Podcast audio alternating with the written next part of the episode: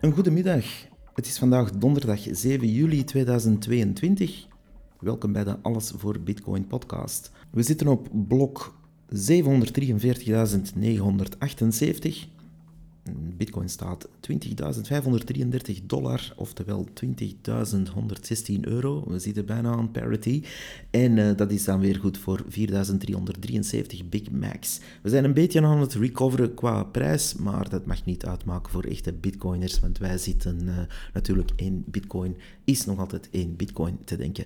Um, ik las daar trouwens over laatst een mooi artikel over dat we eigenlijk burning the bridges moeten doen om uh, nog meer op ons eigen te staan en nog meer binnen die bitcoin-economie te zitten en niet meer uh, per se te rekenen op uh, ja, omschakelingen naar eender welke fiat. En ik sta eigenlijk wel achter die, achter die visie, maar dat wist wel. Dus welkom bij de Alles voor Bitcoin podcast, een onafhankelijke, reclamevrije Vlaamse podcast over Bitcoin. Wij werken dus niet voor een lobby en uh, dit wordt ook niet geproduceerd in een studio van een groot mediabedrijf. Bovendien zitten we ook niet cursussen te peddelen of domme boeken te slijten of trage webinars te verkopen zoals sommige anderen. Um, wat wel kan, is ons een beetje ja, data transfereren, want uh, tot, op heden is het nog steeds toegelaten om vrij en frank data van hier naar daar te transfereren. En dat kan anoniem en op een permissieloos netwerk en dat kan dan naar coinos.io slash alles voor bitcoin. En dat uh, steunt ons en motiveert ons vooral. Uh, vandaag gaan we even in op een paar nieuwsitems, uh, die dan vooral ja, over België gaan. in hoofdzaak dan toch. En uh, op het einde van, dit, uh, van deze podcast-aflevering gaan we ook even in op een, uh, ja, een stukje beginnerstech, zal ik maar zeggen. We gaan even uitleggen hoe u makkelijk en snel en gratis kan starten met uw eigen wallet, zonder al te ja, domme risico's te gaan lopen. Maar dat is dus voor op het einde. Dat is uiteraard niet voor de, gevorderde, de gevorderde oude rotten in het bitcoin-vak, om het zo te zeggen. Niet dat wij een, een stiel hebben, maar goed... Uh, het, is, uh, het is natuurlijk wel bedoeld voor de mensen die ook een beetje uh, ja, nieuwer zijn. En die mogen ook wel eens af en toe een, een guide krijgen, zou ik zeggen. Maar goed, we beginnen met de nieuwtjes. De Europese leiders, waar we allemaal zo'n hoge pet van op hebben, uh, die hebben een uh, voorstel goedgekeurd op 6 juni, uh, waarbij gas en nucleaire energie wordt als groen beschouwd, als gelijkgesteld aan dus andere hernieuwbare bronnen, zoals zij dat dan noemen. goed, los van heel het energiedebat, waar ik eigenlijk uit wil blijven, omdat dat ja, specialistenwerk is, vind ik dan toch, en ik ben niet specialist genoeg om te zeggen wat er nu, uh, welke impact heeft op welke eventuele uh, klimaatsymptomen. Maar uh, wat wel zeker is, is dat het uh, allemaal beter kan en dat, uh, dat er zeker iets moet gebeuren voor het klimaat. Ik sta daar niet alleen 100% achter, ik ben ook een beetje zelf een, ja, iemand die klimaatactivist kan genoemd worden en een milieuactivist vooral, omdat ik vind dat de grote vervuilers en de allergrootste ergernissen toch wel aangepakt mogen worden. En energie is daar natuurlijk een bron van, heel veel van wat we verbruiken en wat we allemaal gebruiken wereldwijd, eh, draagt natuurlijk bij aan ongezonde toestanden op zijn minst.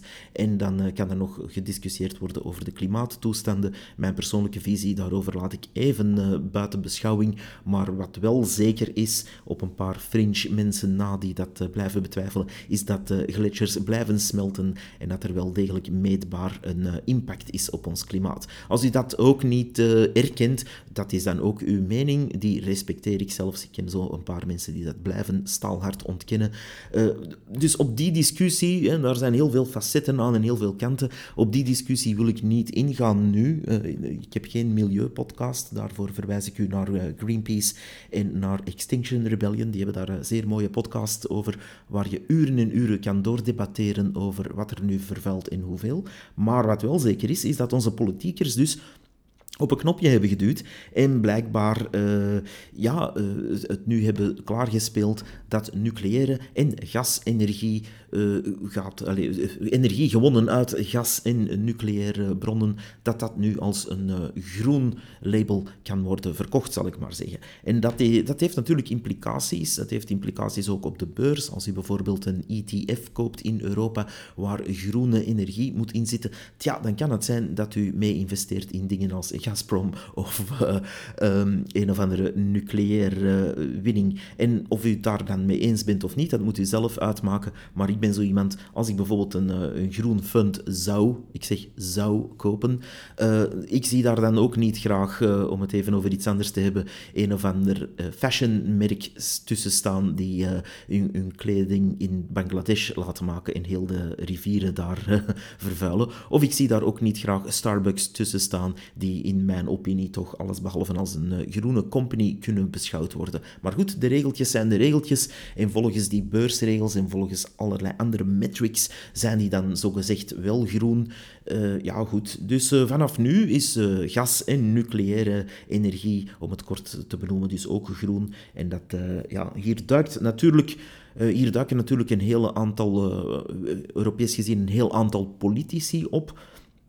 Oh, oh, wie hier ook weer opduikt is onze favoriete random knopjes indrukkende politica van NVA, die naast het fnuiken van vrijheden en uh, vrijheid van transactie het nu ook gemunt heeft op, uh, ja, op de beschouwing als uh, groene energie van gas en nucleaire energie. Dus waarmee ze natuurlijk in één trek bitcoin van ongeveer een, ja, iets in de 60 of 68 procent groene energie naar over de 90 procent groene energie heeft getild. Want als je dan toch die uh, oude zienswijze van onder andere Alex de Vries van de Nederlandse Centrale Bank neemt, die zijn opstelletjes, dan, ja, dan moeten we eigenlijk een bitcoin miner in Europa altijd gaan beschouwen qua energiegebruik als de ja, de gemiddelde verbruikssamenstelling van het land waar die bitcoin miner aanwezig is. En daar hebben we het al vaak over gehad. Dat is op zich heel dom, omdat je natuurlijk zegt van kijk, we gaan het gemiddelde nemen van uh, land X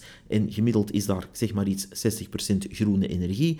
Dan uh, is een bitcoin miner die daar bijvoorbeeld aan een uh, zonnepaneelpark hangt ook maar 60% groene energie omdat dat land gemiddeld daarop zit. Dus dat is al één enorme fout die zowel in Alex de Vries zijn uh, opstelletjes uh, fout zit, maar ook in zijn opvolger, uh, meneer Van Dijk. die hebben allebei diezelfde denkfout gemaakt, met opzet uiteraard. Die mensen kunnen wel degelijk goed rekenen, maar ze maken die assumptie opzettelijk. Het staat er ook gewoon bij in, in, hun, in hun schrijfsels dat ze dat, dat, ze dat daar zo inzetten, die berekening.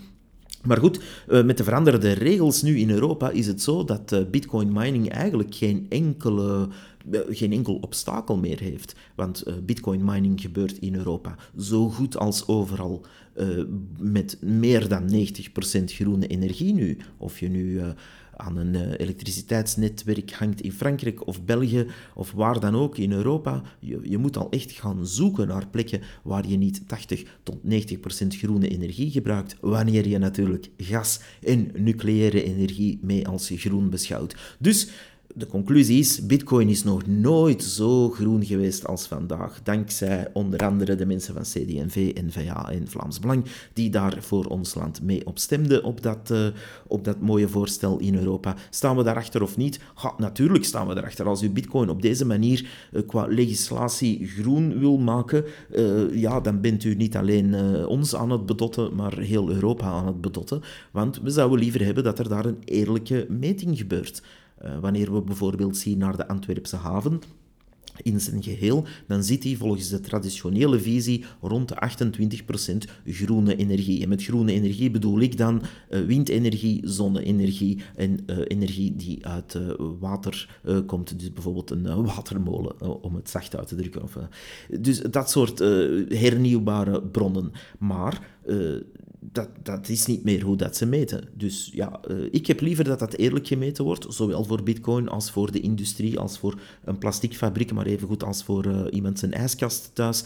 Ik zou zeggen, meet het eens eerlijk en uh, kom dan met eerlijke percentages. En dan kan je bijvoorbeeld zien dat een bitcoin miner die volledig door een windmolenpark wordt, wordt van energie voorzien, dat die natuurlijk veel, veel groener werkt dan bijvoorbeeld een random fabriek qua, uh, ja, in, in onze Antwerpse haven een random petrochemiefabriek die uh, natuurlijk via nucleaire energie vooral wordt uh, opgestart en draaiende gehouden. Dus ja, wat zijn we eigenlijk nog aan het meten?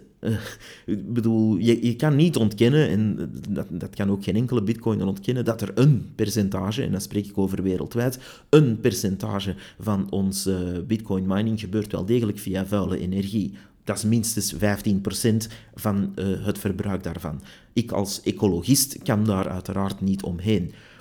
Is dat uh, goed? Nee, uiteraard is dat niet goed. Maar als ik dan zie dat men gewoon gaat spelen met hoe dingen gaan benoemd worden en dat de feiten niet meer uitmaken, ja, dan is het wel triestig. Dus in Europa zitten we hier met bitcoin mining die plus 90% groene energie is. Wel, uh, beschouwen we ons dan niet langer als uh, vervuilende criminelen, zou ik zeggen. Maar uh, ja, geef ons een vrijgeleide en geef ons misschien nog, ja, geef die miners ook subsidie. Want als je dan toch met groene energie werkt, heb je natuurlijk ook wel subsidie nodig. Um, misschien kunnen ze daarbij de random knopjes induwende vertegenwoordigers eens goed over nadenken. Want ondertussen is bitcoin effectief ook groener dan de Antwerpse haven. Eh, dat is eigenlijk grappig. Uh, Europa is zo'n clowncar aan het worden dat het uh, ja, groen lachen blijft. Dat uh, voorstel is trouwens goedgekeurd geweest, niet alleen door onze Belgische politici, uiteraard. heel het Europese parlement heeft daarop gestemd en er waren 278 stemmen tegen, 33 onthoudingen en 328 voor. Dus ehm, Vanaf nu is gas en nucleair groen. Oké. Blijkbaar is het zeer moeilijk allemaal uh, om iets groen, hernieuwbaar of goed voor het klimaat te noemen, of weet ik veel. Jij kan daar uh, duidelijke labels op kleven, denk ik. Maar ja, de volgende stap is misschien dat ze kolen en hout stoken ook gewoon een groen labeltje gaan geven. En dan is eigenlijk alles wat je doet, eender wat en eender hoe, altijd groen. Los van heel die discussie um, wil ik ook even zeggen dat het natuurlijk al lang niet meer draait over, uh, om, om het klimaat te redden of om het milieu te verbeteren. Uh, dat zien we bijvoorbeeld ook bij de passiefgroenen en de fictiegroenen, die daar dan ook allerlei rare termen op beginnen kleven. Het is allemaal één pot nat geworden, jammer genoeg. En uh, ja, uiteindelijk, wij als bitcoin hebben ook een mooie oplossing klaar voor, als bitcoiners, hebben wij ook een mooie oplossing klaar om echte hernieuwbare energie ook meer betaalbaar te maken en, of te houden. En um, onze elektriciteitsnetwerken te verbeteren. Niet alleen qua prijs, maar ook qua stabiliteit en haalbaarheid. Uh, daar zijn studies genoeg over. Uh, ja, er zijn ook al landen waar men dat aan het proberen is om bitcoin mining daar een rol te laten gaan spelen om die stabiliteit te verhogen. Maar daar zijn we natuurlijk met dit soort politici nog heel ver af. Opvallend is ook dat de partij CD&V hier mee dat voorstel erdoor duwde. Um, met hun twee vertegenwoordigers in de EU, namelijk Cindy en Tom. En ze hebben natuurlijk hun 7000 euro weer dik verdiend die maand om daar op dat knopje te gaan duwen. Uh, nou, toch even een, uh, een zacht applausje daarvoor. Ik, ik, vind het heel knap. Over de CD&V gesproken trouwens. Uh, ze hebben daar uh, ook uh, trouwens een, een, een, beetje geld geroken op een andere manier. Niet alleen in het Europese parlement, maar ja, de, de richtlijn van de Europese Unie uh, rond uh, crypto in het algemeen, die natuurlijk uh, is goedgekeurd en waar de vrijheden worden beknot. Dus het Europese parlement had eigenlijk gezegd van kijk, die wet is er nu wel door, of die, die stemming is er nu wel door, maar ga niet voorlopen door in jullie eigen individuele landen al meteen wetgevingen te zitten aanpassen om uh, ja, te gaan voorlopen op die uh, crypto-wetgeving. Onder andere de travel rule, waar we het uh, in de vorige aflevering uitvoeriger hebben over gehad. Um, natuurlijk, ja, hier in België zijn er natuurlijk die daar meteen voor in de bris springen om dat dan toch te frontrunnen, om toch maar eerst te zijn in het nieuws, om te zeggen, oh kijk, oh, ik ga het blokkeren, ik ga, ik ga de criminelen aanpakken. En ja, CD&V is daar natuurlijk nog geen twee dagen later als de kippen bij, om hijgend en roepend uh, al meteen de, de criminelen en de witwassers en de loesje maffiapraktijken in, in bitcoinland te gaan aanpakken. Ja, natuurlijk, we zijn allemaal criminelen, dat weten we allemaal al heel lang. Dus in deze kwam een zekere... Steven Mattei in de tijd, waar anders, waar anders kan een CD&V gaan zitten wenen over, uh, over wat hij uh, droomt. Uh, en de tijd die maakt daar natuurlijk meteen een paginaatje voor vrij om de FUD uit 2015 nog eens te mogen komen herhalen. En het is natuurlijk weer Tears, Tulips en Danger. het ging natuurlijk weer allemaal dat het een Ponzi-scheme was. Iedereen is een crimineel, iedereen is alleen maar witwassen, bla bla bla.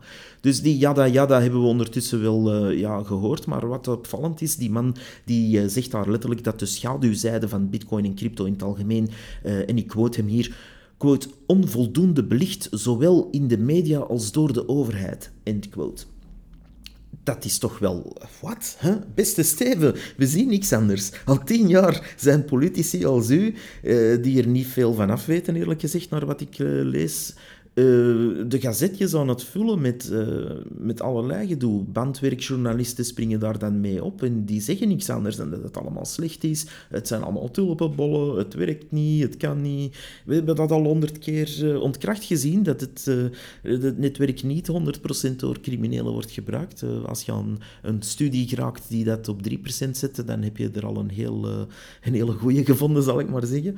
Dus daar zijn heel veel studies rond gebeurd. Jullie zijn gewoon kwatsch aan het verkopen jullie zijn aan het zeven, jullie zijn bladvulling aan het uh, maken voor de tijd. En uh, ja, de morgen zal uh, waarschijnlijk niet lang achterblijven om dit CD&V-kwakkeltje te printen. Um, wat? U staat acht jaar achter met uw FUT. Net als de tijd zelf trouwens, maar goed, die blijven nu een platform geven blijkbaar. Dus die, die man zegt hier dat we uh, dat allemaal zwaar moeten gaan aanpakken qua fiscaliteit en qua bla bla bla. Ja, goed. Waar blijft uw tax law? Waar blijft uw, waar blijft uw belastingsregelgeving? Uh, moest CD&V enig respect hebben voor uh, de burgers, dan zou ik zeggen, in plaats van te roepen dat we allemaal criminelen zijn in een bepaalde sector, misschien eens eerst een regelgeving maken die een beetje oké is, waar je ook als eerlijke burger niet hoeft in de schaduw te gaan kruipen om uh, uw bitcoin of wat dan ook u zou hebben uh, bij te houden. Maar maak eens eerlijke regelgeving waar je zegt, hey, kijk, u kan dat bij de bank aangeven en u kan dat um, ja, omzetten naar euro's uh, tegen x percentage, altijd. Of zoals in Duitsland, ah, na één jaar is het x procent. In hun geval is dat 0 procent. Maar goed, dus uh, ja, uh, als u dan toch uh, iedereen als een crimineel beschouwt, zou ik ook eens duiken in de geschiedenis van de CD&V zelf, want daar zijn toch ook een heleboel laat ons zeggen, rare, rare zaakjes die nog op het uh, schap liggen of uh, onder de mat zijn geveegd. Chileense vliegtuigen, onder andere, waar een paar miljoen is blijven plakken bij een of andere CD&V-minister. Maar goed, dat zijn allemaal lang vervlogen tijden natuurlijk. Daar mogen we het allemaal niet meer over hebben. Um, en Natuurlijk, dit soort artikeltjes die de tijd dan uh, print, uh, kaderen natuurlijk in het vorige koude scenario waar eerst uh, de mensen in de EU een paar voorstellen doen of krijgen of in het oor gefluisterd krijgen, die er dan snel, snel op de achtergrond doorstemmen, terwijl iedereen naar wielrennen aan het kijken is of zo. En dan komt de volgzame, ik noem dat ja, de, de volgmedia eigenlijk, zoals de tijd, de morgen, dat zijn zowat de, de, de, de pijlers daarvan. En die gaan hun politieke C-listers natuurlijk eventjes een, uh, ja, een sfeerschip-stukje laten schrijven. Uh, dat stukje zit vol met uh, dingen die ook eigenlijk niet helemaal kloppen, maar oké, zo kennen we dat. De FUD-media over bitcoin uh, het is een beetje een, eh, een, open oorlog aan het worden, waar er uh, eigenlijk alleen maar slecht nieuws mag belicht worden over bitcoin, waar iedereen wordt beschouwd als een crimineel en waar er blijkbaar nooit, maar dan ook nooit, maar dan ook nooit eens een ja, pro-bitcoiner aan het woord mag komen. Dus uh, de mensen die dat soort zooi blijven lezen en daar 45 euro per maand voor betalen, uh, ja, die moeten maar eens uitrekenen wat ze hadden dollar cost averaging gewijs uh, hadden kunnen verdienen door al die tijd niet de tijd te lezen, maar die 45 euro elke maand in bitcoin hadden gestopt. Um, u zou ervan verschieten, denk ik. Maar goed, um, dat soort gedoe zit er dus aan te komen. Ehm, ik vraag me ook af waar die mensen zaten toen Panama Papers met meer dan 70 miljard. En uh, ondertussen zijn er al uh, studies die het zien oplopen tot 170 miljard gesjoemel. Um, ja, waar zaten die mensen toen over hun criminelen en witwaspraktijken? Toen heb ik die man niet gezien in de tijd om daarover te schrijven, in ieder geval. Dus Steven, een beetje bijleren over Bitcoin zou ik zeggen. Uh, lees er eens een boekje over. Het kan u alleen maar goed doen, denk ik. Um, verder heeft de Belgische staat ook beslist dat er een. nee, de Vlaamse staat, want die noemen zich ook een staat tegenwoordig. Eh, dus die overheid, of die versie van onze stukjes overheid, eh, die hebben dus eigenlijk eh, de jobbonus in het leven geroepen. En die jobbonus heeft niet meteen met bitcoin te maken, maar ik wil een warme oproep doen. Moest u die krijgen, moest u daar 300 of 600 euro krijgen, omdat u 2500 bruto of lager hebt als loon, en u krijgt die centjes effectief op uw rekening ooit, dan zou ik zeggen... Ehm, ja, ik weet wat ik ermee zou doen. En ik zou daar een permissieloos, niet confiskeerbaar uh, ja, value van aanschaffen. En uh, dat is natuurlijk in mijn opinie Bitcoin. U doet er uiteraard mee wat u wilt, maar moest er zo'n bonusje uit de lucht vallen, uh, gaat het dan best eventjes niet op uw spaarrekening laten rotten. Um, verder had ik nog beloofd om eventjes het te hebben voor eh, de beginners onder ons, of voor de mensen die er eigenlijk wel mee begonnen zijn qua interesse, maar misschien fysiek niet meteen een eh, Bitcoin wallet hebben. Daar heb ik nog een, een, kleine guide voor. Dus hoe start je eigenlijk met een eigen wallet? Dat is een vraag die ik af en toe gesteld krijg. want ze willen wel, ze hebben dan door, de mensen die ermee beginnen bedoel ik dan, ze hebben ze dan door dat je je eigen keys moet hebben, maar ja, wat betekent dat precies? Yeah, not your keys, not your Bitcoin. En dan hebben mensen bijvoorbeeld een Coinbase-account of een account op Kraken of uh, welke exchange dan ook. Maar ze beseffen wel dat ze die keys zelf in handen willen hebben. Maar ze weten niet meteen hoe. En ja, de tijd ontbreekt hen dan soms om dat uh, te gaan uitzoeken zelf. Um, dus omdat ik die vraag af en toe effectief krijg, um, zou ik zeggen, hier is eigenlijk wat ik zou doen daarmee. Ik wil hier even aanhalen dat het eigenlijk een uh, goede methode is om snel en relatief um, eenvoudig en met weinig beveiligingsproblemen een uh, wallet te maken. Uiteraard, de verder gevorderde bitcoiners zullen hier een klein beetje mee lachen, uh, maar het gaat hier eigenlijk om een afweging tussen uh, gemakkelijkheid in gebruik en natuurlijk niet al te unsecure worden. Uh, we gaan er uiteraard vanuit dat de computer waar u op werkt of meewerkt en of de telefoon waarmee u werkt veilig is en niet geïnfecteerd is met trojans, malware, keyloggers en andere zooi. En dat is natuurlijk altijd een probleem. Moest u een computer hebben die geïnfecteerd is met van alles en nog wat, ja, dan hebt u andere problemen dan Bitcoin ook, uiteraard. Dan gaat u eh, ook met uw mail of uw persoonlijke data of uw foto's probleempjes hebben. En dan gaat u waarschijnlijk ook probleempjes hebben met uw bankaccount. Dus dat is sowieso geen goed idee om met een geïnfecteerde computer te werken. Daar uh, moeten we geen tekeningetje bij maken. Dus we gaan daarvan uit. Um, dat u een uh, veilige of toch zo veilig mogelijke computer hebt. En uh, ja, moest er iets gehackt worden doordat u bijvoorbeeld een keylogger of malware op uw pc hebt staan of op uw whatever dat u gebruikt hebt staan, dan is dat niet de schuld van bitcoin. dus dan is dat de schuld omdat uw computer gewoon geïnfecteerd is. Uh, daar heeft bitcoin niks mee te maken. Um, ja, er zijn ook nog andere manieren om dit te doen, maar goed, laat ons gewoon beginnen. Je downloadt eerst Electrum. Electrum is, uh, god, naast uh, vele andere software die er is, redelijk en eigenlijk uh, ja, toch al zeer lang gebruikte software door heel veel mensen. En ik moet zeggen, ja, voor beginners is dit eigenlijk wel net moeilijk genoeg en veilig genoeg en net niet te gemakkelijk genoeg. Er zijn er nog andere, maar die hebben ofwel problemen doordat ze gekoppeld zijn aan een exchange of een of andere shitcoin promoten of wat dan ook. Dus Electrum is eigenlijk een uh, goede keuze. U kan die downloaden op electrum.org. Dat is E-L-E-C-T-R-U-M.org. Uh, .org dus. Um, electrum.org. En als u daar op download klikt, dus uh, hekje download wordt dat dan die URL, dan kan u daar voor uw platform uh, Mac of uh, Windows of wat u ook gebruikt, kan u daar Electrum downloaden. Zie ook dat u wel degelijk uh, op de juiste site zit, uiteraard. je zit best ook wanneer je zo'n wallet aanmaakt, de omstaanders even buiten. moesten er omstaanders zijn, u kan dat best eventjes alleen aanmaken. doe dat niet snel, snel op het werk bijvoorbeeld. Of doe dat niet waar er camera's rond u hangen of waar er mensen met een smartphone staan te zwaaien. Een beetje common sense, want wat we gaan genereren is een key. En die key, ja, uh, als die op het scherm verschijnt, is die uh, snel gekopieerd of snel gefotografeerd. Dus uh, camera's en dat soort zaken eventjes wegdoen en dan gewoon de instructies volgen. U installeert dat programma en dan kiest u voor nieuwe file. Ik doe het even in het Engels, omdat die standaard in het Engels opstart. Um, dat is misschien het handigste. File, new, en daar moet u dus uh, dat ding, uw wallet, eigenlijk een naam geven. Dat is niet meer dan een file-naam eigenlijk, dus u geeft daar bijvoorbeeld in wallet 1 of test wallet of wat u het ook wilt noemen. Um, kies dus standaard wallet in het volgende schermpje. We gaan het niet moeilijker maken.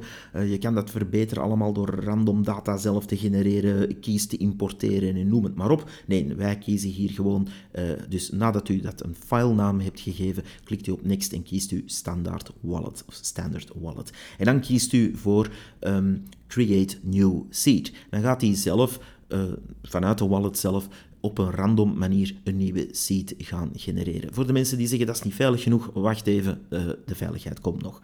Uh, dus die nieuwe seed wordt gegenereerd door het programma zelf en op de volgende pagina zie je dus 12 woorden verschijnen. Noteer deze op een papier, niet op uw computer waar u op werkt, niet op een of andere Google Drive of Google Doc of wat u ook gebruikt. Uh, schrijf dat alsjeblieft gewoon op papier. Uh, zet dat niet op uw clipboard, ga dat niet copy-pasten of wat dan ook. Doe dat niet. Um, als u die woorden hebt opgeschreven, alle twaalf, dan klikt u op Options. Dus u klikt nog niet op Next, maar eerst op Options. En dan selecteert u de optie om extra woorden, en dat noemen ze extra seed words, toe te voegen. U klikt die optie aan, dan op OK en dan pas op Next. Op de volgende pagina kan je deze extra woorden toevoegen. En deze komen eigenlijk bovenop die twaalf woorden en die kan je zelf verzinnen. Bijvoorbeeld, je kiest bijvoorbeeld twee random uh, woorden die je daarbij voegt. Um, ga nu niet uh, de naam van uw hond of uw eigen naam uh, kiezen of de naam van uw kind. Dat is een beetje te doorzichtig. Moest er ooit toch iets raars gebeuren met uw twaalf woorden of u hebt die accidenteel toch ergens laten slingeren. ja, die twee extra woorden zijn dan makkelijk te raden als dat Snoopy en Tom is, bijvoorbeeld. Dus maak het ook niet te gemakkelijk, zou ik zeggen. Wat u wel kan doen, is bijvoorbeeld die BIP39 Seed Word List nemen. Uh, dat is heel makkelijk te vinden online. Uh, daar is een uh, standaard woordlist, wordlist eigenlijk in het Engels. die is er ook in het Nederlands trouwens, waar er 2048 woorden staan die standaard worden gebruikt door zo'n seed phrase generators. Um, en daar pikt u er ja, een paar uit. kies zelf hoeveel, 1, 5, 3, maakt mij niet uit. alles is veiliger als u er een paar meer bij zit natuurlijk. Dus we gaan voor de gemakkelijkheid zeggen dat er hier twee zijn gekozen. En ik doe zo'n seed word list open en at random heb ik er daar met de natte vinger um, twee uitgepikt en dat is anger en repeat bijvoorbeeld in mijn case. Dus u kan dat eruit nemen. Ik gebruik die niet echt, by the way, voor de, voor de zware hackers die erbij zitten. Uh, die twee woordjes, het is maar een voorbeeld. dat soort woorden kan u daarbij inzetten. Als u die uit die woordenlijst haalt, hebt u het extra voordeel dat die altijd gaan, of zo goed als altijd, gaan werken op uh, wallets, omdat de meeste van die wallets BIP39 supporteren. Dat is een, het, protocol, zal ik maar zeggen, waar ze zich aan houden. Dus dan bent u ook zeker dat als u dat uit die seed word lijst haalt, als u zo'n standaard woord neemt, dat dat oké is. Hè? En dat u daar niet een of ander exotisch raar woord hebt ingezet, of een of ander Frans woord uh, met allerlei accenten, dat dan uh, niet kan worden gelezen door bepaalde wallets. Dus um, dat uh, maakt het veiliger. Dus onthoud deze woorden die u erbij hebt gezet. Dat zijn de extra woorden die bovenop die 12 woorden komen. En schrijf die op een apart papiertje ergens. Hou die weg van uw seedwords. Dus met andere woorden, die anger en repeat in mijn geval, dat is makkelijk te onthouden. Morgen weet ik dat ook nog, overmorgen weet ik dat ook nog. Misschien binnen 10 jaar ook nog. Maar om zeker te zijn, schrijf ik die eventjes op op een apart papiertje, zodat ik die apart kan bekijken, los van die 12 woorden. Um, dat is handig om dat uh, apart te houden. Uh, als u natuurlijk heel zeker bent van, ja, kijk, ik heb, ik, kijk, ik heb daar uh, drie woorden op gezet en ik onthoud die echt wel, eh, zoveel te beter, ieder zijn ding. Um, dus u hebt die woorden daarin gezet, onthoud die woorden, en daarna moet je de woorden gaan herhalen. Dus u klikt op next en dan als een soort van test binnen Electrum zelf, als een soort van check-up, ga je daar die twaalf woorden terug moeten gaan herhalen om eigenlijk uw echte seed te gaan uh, ja, verifiëren. En als u dat allemaal goed hebt opgeschreven, dan ja, herhaalt u die twaalf woorden daar. U moet die ook effectief daar typen en dan kan u uh, die daar uh, zien. En daarna heb je een wallet, dus je klikt niks en dan, is dat eigenlijk, dan kom je eigenlijk in de main interface, in, de, in hoe die wallet eruit ziet in, binnen Electrum. En wanneer je daar bijvoorbeeld op het tabblad um, addresses klikt, dan ziet u de adressen die hij heeft aangemaakt. En daar ziet u dus een heleboel Bitcoin-adressen. Um, daarna dus hebt u een wallet en u kan daar apart ook nog een paswoord op zetten. U kan dat bewaren en op die wallet file zelf kan u ook nog eens een paswoord opzetten.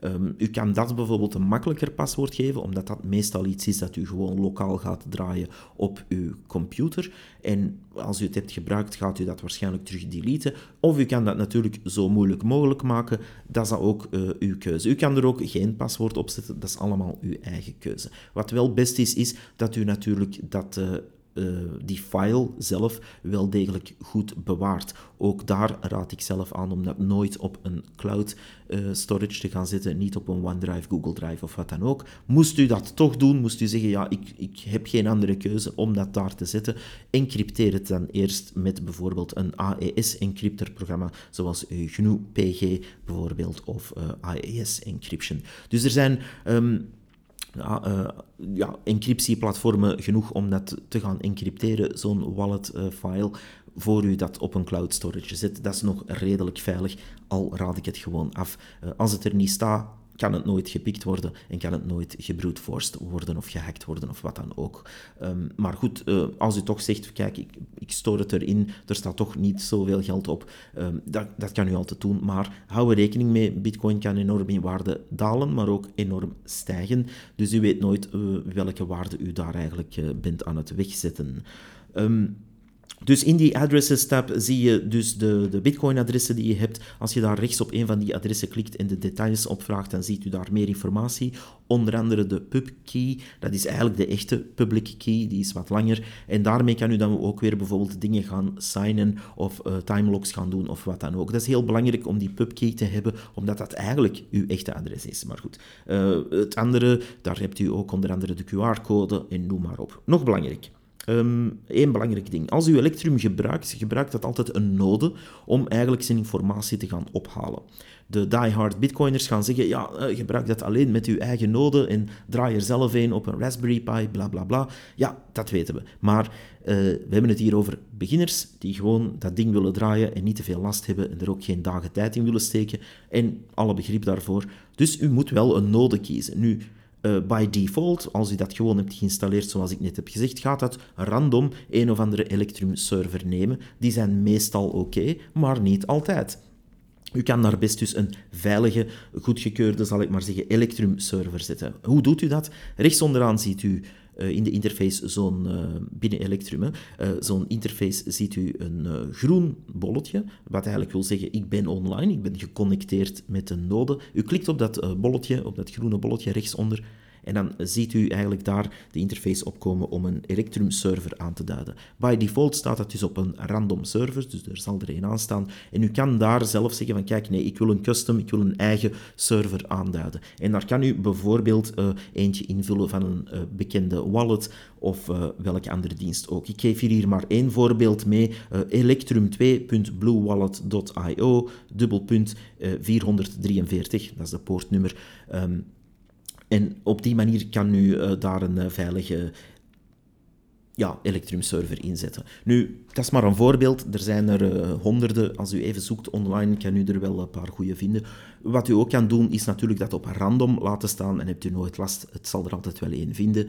Um, het enige grote nadeel daaraan is dat u natuurlijk niet weet, als u het op random zet, en ik zeg maar niet, dat connecteert naar een Electrum server van iemand die daar ja, een beetje eh, zitten kijken welke transacties er allemaal passeren, dan kan het wel eens zijn dat er daar een beetje een privacy-risico is. Uh, dus dat, uh, ze gaan nooit aan uw private keys geraken, uiteraard. Maar men kan bijvoorbeeld wel zien van ah, deze transactie komt van die connectie, van dat IP-adres. En ja, dat is natuurlijk privacy-wise niet zo oké. Um, u kan dit achter een VPN gaan draaien als u wenst, maar wat ik wel zou aanraden is zet daar een, uh, zet daar een uh, betrouwbare Electrum server in. Um, verder, uh, nog heel belangrijk, voor u daar echt mee aan de slag gaat, kan u helemaal hetzelfde proces ook doen Ehm, met het testnet op Bitcoin. Bitcoin heeft een eigen testnet en als u daarnaar zoekt, kan u eigenlijk Electrum voor testnet voor Bitcoin downloaden. Helemaal dezelfde procedure. U gaat daar ook adressen krijgen, die zien er een beetje anders uit, maar um, op die manier kan u gaan beginnen spelen op dat netwerk zonder eigenlijk uh, echt bitcoin te hebben. Maar u kan dan wel de, te de techniek daarachter leren kennen. U kan daarmee spelen en u kan daar uh, ja, mee testen. Daar dient een testnet natuurlijk voor. Dus u kan datzelfde gewoon doen voor het testnet. En dan hebt u ook een testnet Electrum connectie natuurlijk nodig. Maar uh, dan hebt u natuurlijk ook test bitcoins nodig. Die kan u ook vinden. Er zijn online faucets genoeg om dat, om dat te vinden. Dan kan u met test bitcoins aan de slag. Nu, um, als u dat gewoon ineens echt wilt testen, ja, volstaat het om een kleine... Een, een, klein bedrag in bitcoin, ik zeg maar iets, een 10.000 sats of uh, 50.000 sats. Um, gooi daar eens 5 euro, 10 euro of whatever tegenaan om daar eventjes mee te testen, zou ik zeggen. En dan kan u inkomend naar een van die adressen die u hebt aangemaakt binnen Electrum een overschrijving doen een transactie doen en zien dat dat binnenkomt. U kan dat dan mooi volgen en dan kan u ook naar de andere kant, welke wallet u ook hebt gebruikt, ook eventjes, uh, of zelfs naar een van uw eigen adressen iets overschrijven. Uh, dat is heel leuk om mee te spelen, om dat te leren kennen en gaandeweg gaat u dan ook wel beseffen dat een eigen node draaien ook wel een enorm pluspunt is. Maar voor diegenen die gewoon met Electrum aan de, start, aan de slag willen, bedoel ik, kunnen hiermee starten. En um, op deze manier kan u eigenlijk leren omgaan met Bitcoin, maar kan u ook een aantal zaken daaruit halen.